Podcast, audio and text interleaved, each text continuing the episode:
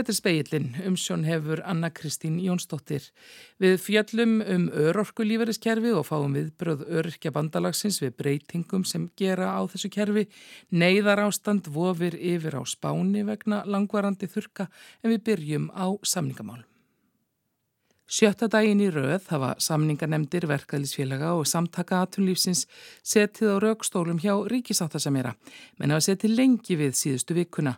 Að Viljálmi Birgisinni formanni starfskreina sambandsins mátti skilja í morgun að samningar gætu náðust fyrir lokvikunar þótt ímislegt minniháttarstæði en út af. Það eru bara henni ímsu atrið sem við eigum eftir að klýra en það er allavega ekki þannig atrið að við munum ekki ná að finna lausnaðan og launalegurin er alveg klár. Hann er alveg klár, fórsönda ákvaðin eru klár og síðan er þetta bara minni atriði sem er verið að reyna að ganga hérna frá sagði Viljónum Birgisson við Holmfríði Dagnju Fríðjónsdóttur í morgun. Forsendu ákvaðin eru tímasett endurskoðuna ákvaði þar sem fest verður í samning að hægt sé að segja honum upp á tveimur tímapunktum ef verðbolga hefur ekki lækkað niður fyrir tiltekki mark, segir á VF Eblingar. Ekki hefur verið talað um tengingu við stýrivexti. Katrín Ólastóttur Hagfræðingur telur gott að binda ekki samninga við stýrivexta ákvarðanir Sæðlabankans. Sæðlabankin ánáttúrulega enga aðkomið að kjæra samningum og á ekki eigan eina aðkomið að þeim. Þannig að það er bara svona ákveð prinsipatrið að halda því algjörlega fyrir utan.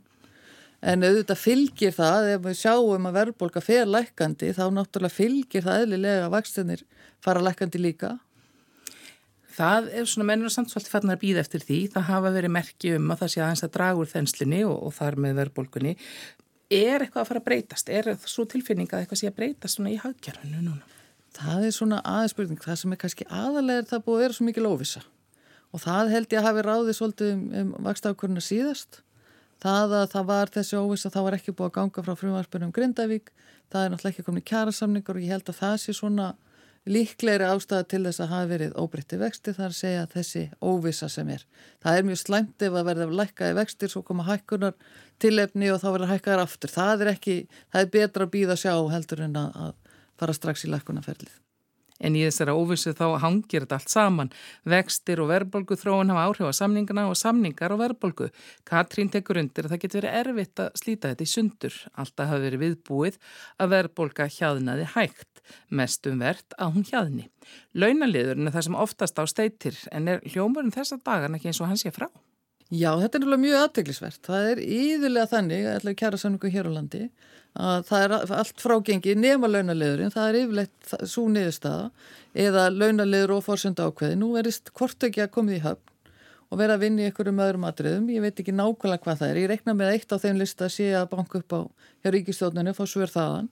En uh, í sjálfu sér þá lofar þetta bara mjög góðu það að skuli vera komin þessi niðurstaða þó og búið að gefa út að hvenar eru fórsönda ákveði. Þannig að það verist ennþá vera, vera að tala um langtíma samning sem er líka og aftur um, um óvisuna, það mingar óvisuna tölvert til næstu ára. Það tala um breyðfylkingu vakti aðtikli þó að stærsta stjæðafélag landsins, Vaffer, sagði sig frá þessari, þessu samflóti núna fyrir helgi. Er það, er líklegt að það verði einhver, þeir fá einhver allt aðra niðurstöðu, hvað heldur það að vera áður þar? Nú bara áttaðum ekki alveg á því hvað þarna, hvað þarna var. Jú, er ein, það er undir heyrst að, að þar koma ákveðin krafa varandi vaksta viðmiðið. Hvort að það steitt á því eða ekki veit ég náttúrulega ekki. En það sem að ég á svo sem ekki vona á því að, að SA sé tilbúið að gera einhvern veginn alltaf í samlinga af vaffer heldur en breyðfylginguna. Þannig að maður reikna með að verði á sveipuðunótum uh, eh, án þess þó að ég hafi frekar upplýsingar um það. En þetta er svona það sem ég myndi, myndi draga álítanir með.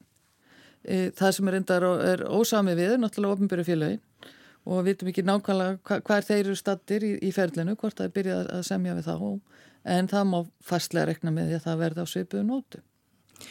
Það verður að tala um það að, að þáttur ríkisins eða aðkoma þess skiptir svo miklu máli. Í hvaða, hvernig hefur svo þróum verið? Þetta er munstur sem að myndaðist þarna upp úr þjóðasáttunni uh, þar sem að var svona til þess að hérna, nikja og, og loka samningum og þá kom ríkistjórnin að. Það var nú hugsunni þá að þetta er nú bara til skamstíma, að þetta er ekki til frambúðar.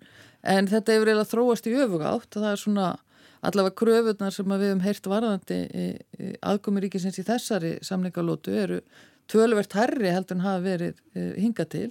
Þannig að, að það er svona aðeins spurning hvernig þetta endar sko hvort að þróunin er í það átt að, að ríki eigi meiri aðkomi frekar en, frekar en minni en, en eins og segi þróunin, það var svona væntingat þess að þróunin er í akkurat öfu átt að ríki myndi bara ekkert skipta sér af þessum samlingum almennu markaði. Húsnæðismálinn hafa verið stór þáttur undarfarnin misseri og tala um það áfram og núna er kannski líka ennþá meiri óvisar hluta til vegna grindavíkur. Já, það er náttúrulega, húsnæðismarkan hefur verið í svona svolítið, já, hvað segja, máli í, í deglunni undarfarnu sem er bara eðlilega ástæðum. Það hefur verið mikil hækkun á húsnæðisverði og og, svona, og líka þrengt að þeim sem eru að kaupa í fyrsta sinn að það er gerða meiri kröfur, kröfur þar. Þannig að það er alveg eðlilegt að það sé hlut af umbröðinni útaf fyrir sig. Grindavík bætist inn á en það var nú að geta þess að Grindavík er ekki stórt hlutvall af öllum markanum þannig að það ætti ekki að hafa afgerandi áhrif þó að vissulega má búast að hafi áhrif til, til hækkunar. Sérstaklega myndi halda á Reykjanesinu. En enn svona fyrir ríkið með útgjöld vegna hamfaran? Sko þau eru náttúrulega gríðaleg og það, við horfum ekkert fræðið því, það er þau skipta 20 miljardar og þessi lög sem voru samþygt hann fyrir nokkrum dögum síðan, þetta eru gríðaleg útgjöld sem því fylgja. Þannig að við ætlum að bæta vona það hérna ykkurum e, miljardum vegna kjærasamninga, þá er þetta náttúrulega gríðalega stóra frjárhæðir. E, Vill svo til að, að svona skuldasta ríkisjós er kannski ekkert stórglæsileg, hún er ágætt, hún er allt í lagi, þannig að við þólum alveg svona átak og auðvitað bara svona frá samfélagslega sjónum er bara eðlilegt að við styrkjum grindvikinga, það er bara, það er bara algjörlega eðlilegt að stiga þetta skref en það var náttúrulega líka að spurja, ok, hvaða uh, hérna þegar við komum að næstu hérna, fjárlögum verður grípi til einhver aðgera til þess að dragur, dragur hallaregstir, það er náttúrulega stóra spurningar sem stendur út af akkurat, akkurat núna. Sæði Katrín Ólastóttir Hagfræðingur.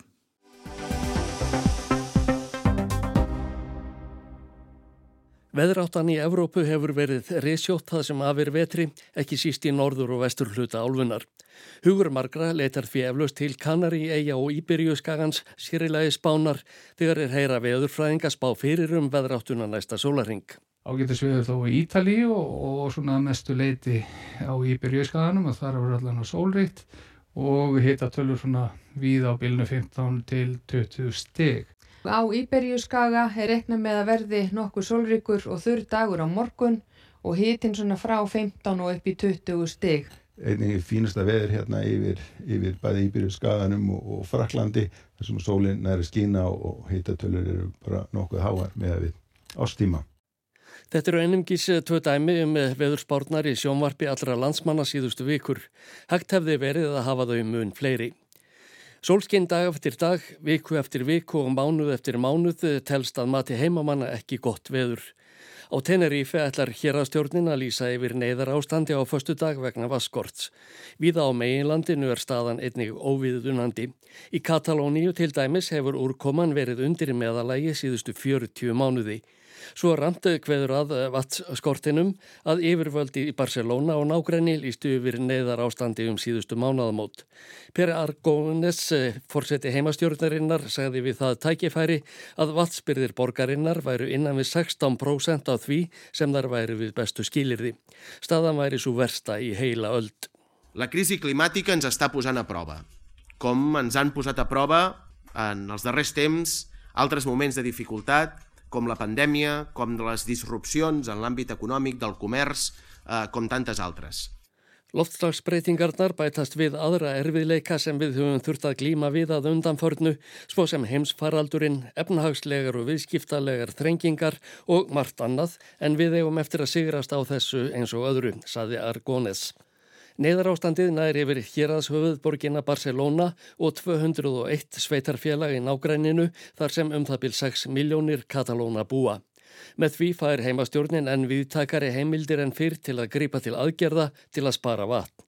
Bannaðir til dæmis að dæla ferskvatni í sundlegar nema þar sem eru notaðar til íþrótta. Bíla má einungist þvó með endurunnu vatni og almenningsgarðar eru vökvaðir með grunnvatni. Hver íbúi á neyðarsvæðinu má ekki nota nema 200 lítra af neyslu vatni á sólarhing, 10 lítrum minna en samkvæmt eldri tilskipun. 100 litros, claro, no te imaginas qué es, si son dos cubos o son cuatro. Maður hefur enga hugmynd um hversu mikið 200 lítrar eru. Er það tvær fötur eða fjórar, spurði kona í Barcelona sem spænska ríkisjónvarpi spurði álits á neyðar ráðstöfununum. Önnur saðist ekki hafa hugmynd um hversu mikið vatn og notið á hverjum degi og svo þriði að kvartaði yfir því að málið hefði ekki verið skýrt nógu vel. Ef þurkarnir halda áfram getur þurft að grípa til enn hardari rástafana svo sem að skrúfa fyrir sturtur í líkamsræktarstöðum og banna með öllu að vökva gróður í almenningsgörðum. Bændur þurfa einnig að stilla vatsnótkun í hóf. Sumulegðis bitna ráðstafanirnar á innfyrirtækjum í sjálfstjórnar héræðinu. Þau þurfa að draga úr nótkuninni um fjörðung. Í november var þeim skipað að minka, hana um 15%. Þurkurinn bætist við önnur vandamál sem spænskir bændur glíma við líkt og starfsbræður þeirra á sýstur víðar í Evrópu. las estamos pasando canutas porque realmente o llueve ya o va a ser irreversible la pérdida de cereal que va a haber este año. Við eigum erfitt. Annað hvort fyrir að rigna núna eða það verður engin korn uppskera í ár, segir Jose Fernando Luna, kornbondi. Canarian Weekly, fréttavefur Canari eiga greinir frá því í dag að vaskorturinn á Tenerife sé orðin svo yfirþyrmandi að hérastjórnin ætli að lýsa yfir neyðar ástandi á förstu daginn kemur 1. mars. Rosata Víla, hérastjóri, segir að veturinn hafi verið eitt sá þurrasti á síðari tímum. Vatsbúskapurinn sé óburðugur, engum með miðluta eigarinnar. Janúarmánuður var sá hlýjasti á Tenerife í 60 ár. Meðalhittin var 20,9 gráður. Úrkoma hefur minkaði á öllum tímum ársins um 15 til 40%. Tæplega 1 miljón manna býr á Tenerife, þángað kom 14,1 miljón ferðamanna í fyrra, þeir hafa aldrei verið fleiri en er ekki komið að því að yfirvöldi Andalúsíu á megin landinu lýsi yfir neðarástandi. Fórseti hér að stjórnarinnar sagði á dögunum að greipið yfir til vass skömmtunar næsta sumar nema ef svo ólíklega vildi til að það ringdi 30 daga í röð. Petrók Sánchez, fórsetist ráþera, kynnti á dögunum áformum að verja 23 miljórum evra á næstu þremur árum til að bæta vassveitu kerfi landsins. Meðal annars á að auka eh, vinslu ferskvats úr sjó. Ásker Tómasson tók saman.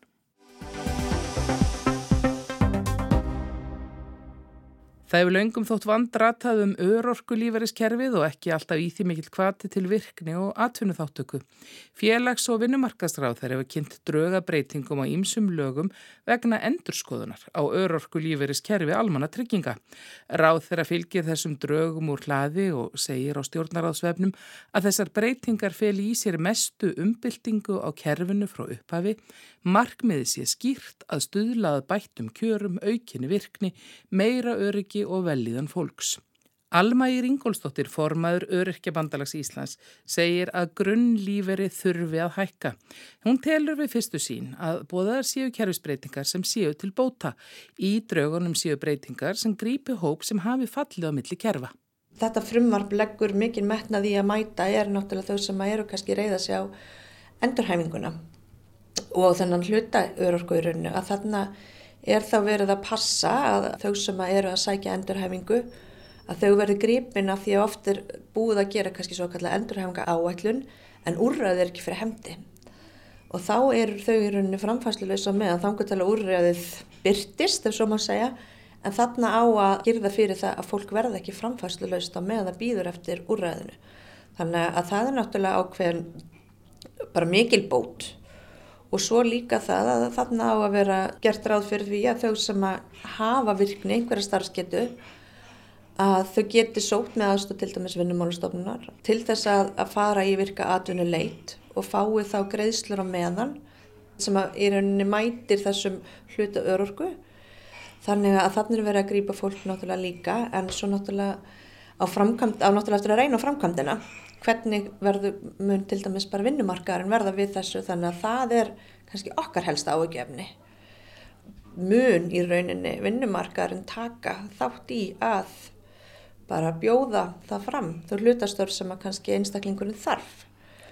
Og það verður stór áskorun.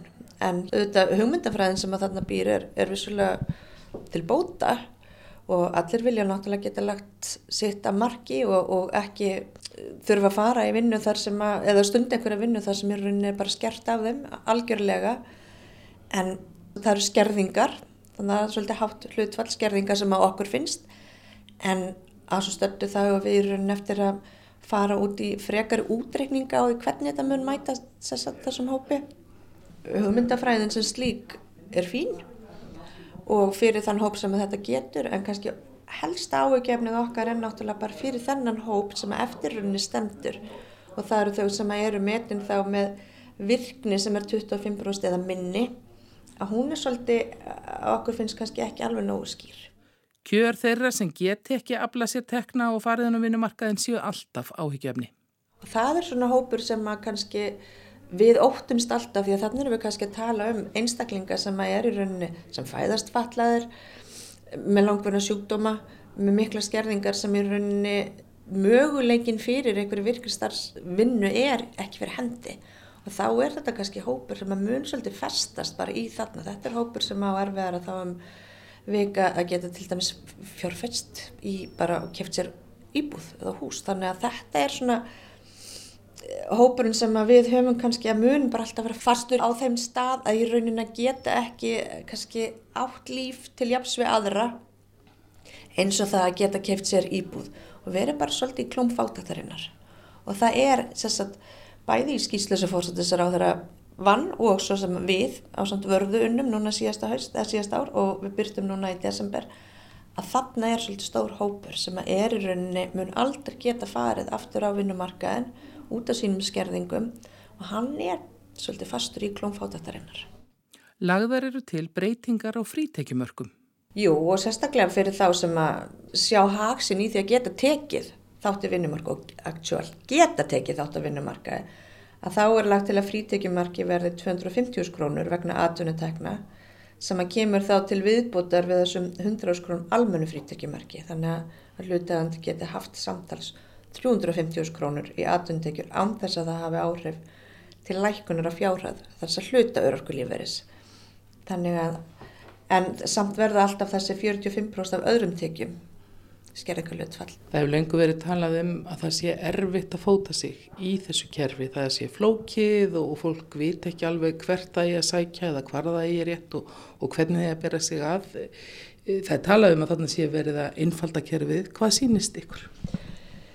Já, fyrir okkur sem að erum náttúrulega kannski orðinu kunn, almanntryggingakerfin og lagabálkan sem að þar falla undir sérstaklega varandi þessa greiðslur að þá eru við, sjáum við náttúrulega hérna einföldun en fyrir kannski hinn almenna borgara þá skil ég óskup vel að, að þetta sé ekkit einfalt því þetta er ekkit einfalt að því þarna kemur margt til og, og það, það, það eru mörg gögn sem að þurfa að liggja fyrir og, en ég held samt að sérstaklega með þessari þjónustu gátt líka sem að stendur til að hérna, starfrækja sem á í rauninni að brúa svolítið bylið einmitt að svo að fólk glemdi ekki einhvers þar á milli að því að, að yfirleitt er þetta þannig að þegar að fólk eru að sækja um alveg hvort sem sem að snýra þá hvort að örorkulíferi eða þá endurhefinga að það er alltaf eitthvað sem að vandar og fólku veit ekki almenna hvert það á að fara til þess að sækja eða hvað einfalda á að gera.